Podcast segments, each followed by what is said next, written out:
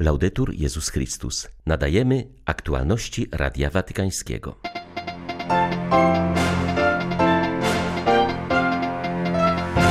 Za pośrednictwem swego jałmużnika papież Franciszek wysłał kolejne respiratory i leki do najuboższych krajów świata, wciąż zmagających się z pandemią.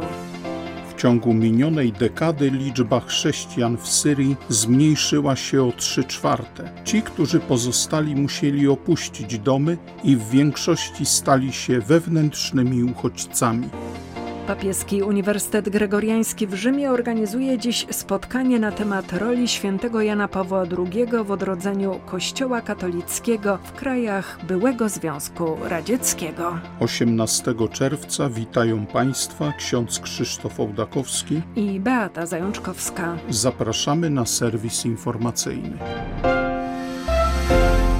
Podczas gdy w Europie trwa intensywna kampania szczepień przeciwko COVID-19, to wiele ubogich krajów nadal dotkniętych jest poważnym zagrożeniem sanitarnym. Dlatego papież Franciszek wysyła tam potrzebny sprzęt i leki, aby wesprzeć zmagających się z pandemią. Czyni to przez Urząd Dobroczynności Apostolskiej. Jałmużnik papieski kardynał Konrad Krajewski informuje, że w ostatnich dniach pomoc została wysłana między innymi do Brazylii, Indii, Chile, Syrii i Papui Nowej Gwinei. W ubiegłym tygodniu zakupiliśmy 40 respiratorów nowej generacji, jak inny sprzęt sanitarny, począwszy od masek przez leki, prawie na 100 tysięcy euro. I poprzez pocztę dyplomatyczną jesteśmy w stanie dostarczyć ten cały sprzęt i leki do nuncjatur i tam nuncjusze rozdzielą zgodnie z potrzebami dla najuboższych, także wspierając te szpitale, które nie mają innej pomocy, a służą przede wszystkim ubogim. Jest to więc nasza praca taka codzienna. Wyjątkowa jest o tyle, że w Europie już nie mówimy o lockdownie, nie mówimy o wielkich problemach z pandemią, ale ze szczepieniami. Natomiast tam jest tragedia, ponieważ dziesiątki tysięcy ludzi umiera i bardzo potrzebne są respiratory, które u nas już tutaj w Europie niekoniecznie są zajęte. My jesteśmy, jakby można powiedzieć, karetką pogotowia Ojca Świętego, takim pogotowiem Ojca Świętego. Papież Franciszek daje głos tym, którzy go nie mają na Bliskim Wschodzie, inaczej świat by o nich zupełnie zapomniał, podkreśla franciszkański kustosz Ziemi Świętej. W rozmowie z Radiem Watykańskim wskazuje na szczególnie dramatyczną sytuację chrześcijan w Syrii. Jako przykład ich trudnego losu podaje Aleppo, gdzie przed wojną mieszkało 300 tysięcy wyznawców Chrystusa, a obecnie jest ich zaledwie 30 tysięcy. Ojciec Francesco Patton wskazuje, że w ciągu minionej dekady z Syrii wyemigrowało 3 czwarte wyznawców Chrystusa.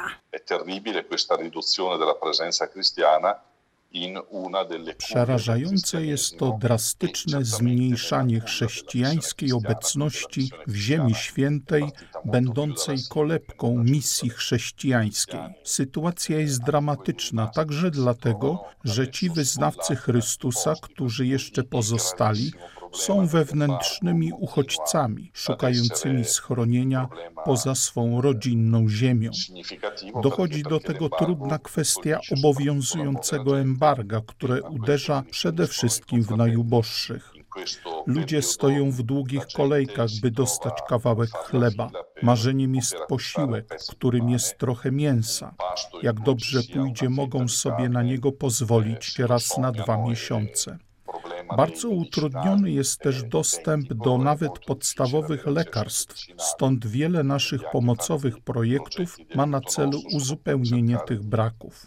Pamiętajmy też, że pandemia uderzyła również w Syrię. Odporność uzyskuje się tam nie dzięki szczepionkom, których zwyczajnie nie ma, tylko po przechorowaniu koronawirusa.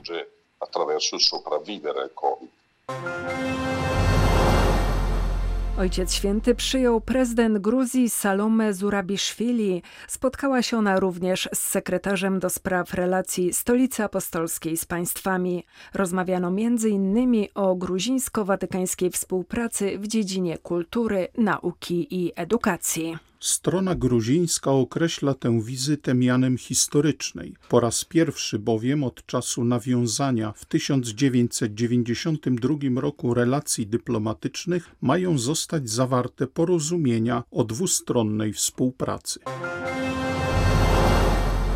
Europejscy biskupi podkreślili, że nie może być zgody na tak zwany raport Maticza, który nazywa aborcję prawem człowieka i sprzeciwia się wolności sumienia. Jest to inicjatywa socjaldemokraty Freda Maticza z Chorwacji. Propozycja dotyczy przyjęcia przez Parlament Europejski tak zwanych nowych praw człowieka, o czym przedstawiciele Rady Konferencji Episkopatów Unii Europejskiej Comese rozmawiali w ubiegłym tygodniu z papieżem papieżem Franciszkiem. Sekretariat Komese podkreślił, że Kościół katolicki uznaje znaczenie ochrony zdrowia i praw kobiet. Wskazuje zarazem, że łamiąc zasadę pomocniczości, projekt ignoruje fakt, iż to do państw członkowskich należy tworzenie ich polityki zdrowotnej i organizowanie pracy służby zdrowia. Dotyczy to również dziedzin bardzo wrażliwych, takich jak regulacje dotyczące aborcji czy edukacji seksualnej. Wskazano zarazem jednostronność perspektywy zawartej w raporcie, który nie uznaje tak podstawowego prawa, jakim jest sprzeciw sumienia. Przeciwko przyjęciu raportu protestuje m.in. austriacka grupa Młodzież dla Życia, która zapowiedziała w najbliższy poniedziałek w Wiedniu Marsz dla Życia i zachęciła do wysyłania protestacyjnych e-maili na ręce polityków reprezentujących poszczególne kraje w Parlamencie Europejskim.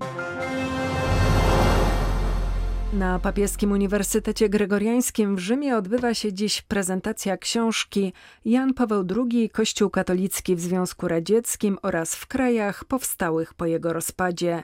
Ukazała się ona specjalnie w roku stulecia urodzin Karola Wojtyły. Książka opisuje odrodzenie Kościoła katolickiego w 15 republikach tworzących dawny Związek Radziecki oraz w Federacji Rosyjskiej. Na tych terytoriach wraz z nastaniem komunizmu Kościół został skazany na zniszczenie. Odrodził się z popiołu w latach 90. dzięki wielkiemu zaangażowaniu świętego Jana Pawła II oraz jego podróżom apostolskim mówi ksiądz profesor Jan Mikrut. Wszyscy autorzy w sposób bardzo pozytywny przedstawiają postać papieża Jana Pawła II jako człowieka wrażliwego, wykształconego, jako człowieka ogromnej duchowości, jako człowieka, który fascynował swoim życiem wewnętrznym, swoją determinacją, wdzięczność tych narodów za jego pontyfikat, za jego świadectwo, ale również wdzięczność za bliskość, taką nawet bliskość ludzką, która łączyło Jana Pawła II z poszczególnymi krajami jest bardzo widoczne. Jeżeli czyta się te teksty również z punktu widzenia wizyty papieża Jana Pawła II w tych krajach, to widać, że to są niezwykle wrażliwe teksty charakterystyczne dla poszczególnych krajów, dla poszczególnych kultur, dar wdzięczności za pontyfikat Jana Pawła II. To nie jest książka łatwa do czytania. To jest praca naukowa, która prezentuje pontyfikat Jana Pawła II i prezentuje literaturę związaną z pontyfikatem Jana Pawła II praktycznie do marca 2021 roku. Kościół katolicki w Birmie jest coraz bardziej represjonowany przez reżimowe wojsko. Dochodzi do coraz częstszych aresztowań księży i przeszukiwań kościołów. Junta wojskowa utrudnia także działania lokalnej Caritas, która z powodu blokad dróg i zakazu wjazdów w pewne regiony nie jest w stanie dostarczać potrzebującym pomocy żywnościowej i medycznej. Biskupi tego kraju alarmują, że Kościół jest coraz bardziej represjonowany i bezpodstawnie oskarżany przez przedstawicieli hunty wojskowej o wspieranie rebeliantów. W ostatnim tygodniu aresztowanych zostało aż siedmiu kapłanów, którzy po kilkunastogodzinnym przesłuchaniu zostali wypuszczeni na wolność. Mimo wielu apeli wspólnoty międzynarodowej wciąż trwa także ostrzał kościołów, szpitali i szkół, które stały się miejscem schronienia dla tysięcy uchodźców, głównie kobiet i dzieci. Bardzo ważne jest, by nie zapominać o Birmańczykach, stąd takie znaczenie mają działania Stolicy Apostolskiej i apele papieża Franciszka zachęcające do przywrócenia w tym kraju sprawiedliwości, mówi Antonio da Silva, który organizuje w Rzymie modlitwę w intencji Birmy.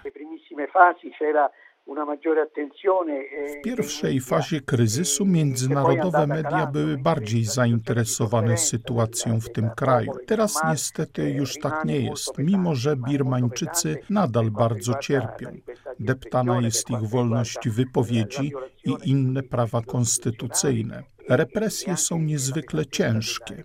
Do tego dochodzi sytuacja pandemiczna, której w obecnej sytuacji trudno stawić czoło oraz bardzo ciężka sytuacja społeczna, która sprawiła, że tysiące ludzi cierpi dotkliwy głód.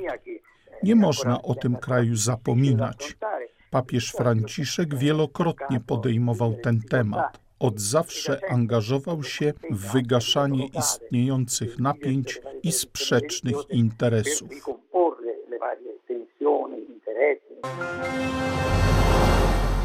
Pakistanie coraz trudniej żyje się wyznawcom Chrystusa.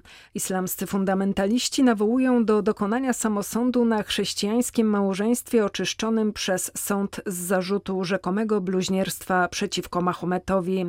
Pogróżki otrzymuje także adwokat, który ich bronił oraz dwaj sędziowie, którzy zdecydowali o wypuszczeniu małżonków na wolność. Miliony muzułmanów jest gotowych zabić zarówno ich, jak i każdego, kto występował w ich obronie.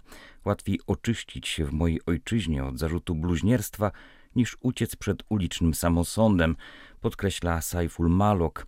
Jest on muzułmańskim adwokatem, który od lat broni niesłusznie oskarżanych chrześcijan. Był m.in. jednym z obrońców Azji Bibi. Islamiści nazywają go współpracownikiem bluźnierców i grożą całej jego rodzinie śmiercią wskazuje, że w Pakistanie za przyzwoleniem części polityków narasta radykalny islam. W wielu procesach przeciwko chrześcijanom stosuje się podrobione dowody i wykorzystuje zeznania zmanipulowanych świadków. Adwokat zauważa, że nastroje antychrześcijańskie są aktualnie w Pakistanie dużo silniejsze niż po uwolnieniu Azji Bibi. Wskazuje, że bez konkretnej reakcji władz może się to przemienić w falę ulicznych samosądów i antychrześcijańskiej przemocy. Osoby szukające schronienia są szczególnie dotknięte skutkami pandemii. Wynika to z naszego doświadczenia pomocy Kościoła uchodźcom, powiedział biskup Dominikus Meyer, komisaryczny przewodniczący Komisji do Spraw Migracji Konferencji Episkopatu Niemiec.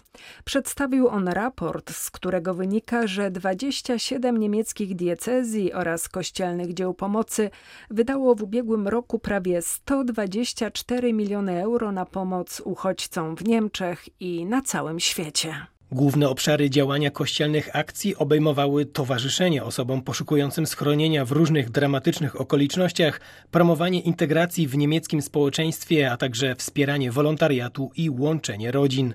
W sumie pomoc dla uchodźców zorganizowana przez Kościół katolicki w Niemczech dotarła w ubiegłym roku do co najmniej 154 tysięcy osób. Działo się to dzięki pracy wielu pracowników etatowych i wolontariuszy. Biskup Mayer, przedstawiając najnowszy raport niemieckiego episkopatu, powiedział, że takie zaangażowanie Kościoła w pomoc uchodźcom czyni nasze społeczeństwo bardziej humanitarnym i jest żywym znakiem chrześcijańskiej miłości. Ważne, aby tę pracę kontynuować i rozwijać nawet w zmieniających się warunkach. Z raportu wynika, jak zauważył biskup, że w czasie kryzysu pandemicznego możliwość dotarcia do Niemiec i Europy została poważnie ograniczona. Przyjmowanie uchodźców znajdujących się w szczególnie trudnej sytuacji za pośrednictwem programów międzynarodowych praktycznie nie ma miejsca. Poważnie naruszone przez pandemię zostało także prawo do łączenia rodzin. Dla Radia Watykańskiego z Berlina Tomasz Kycie. Były to aktualności Radia Watykańskiego. Laudetur Jezus Chrystus.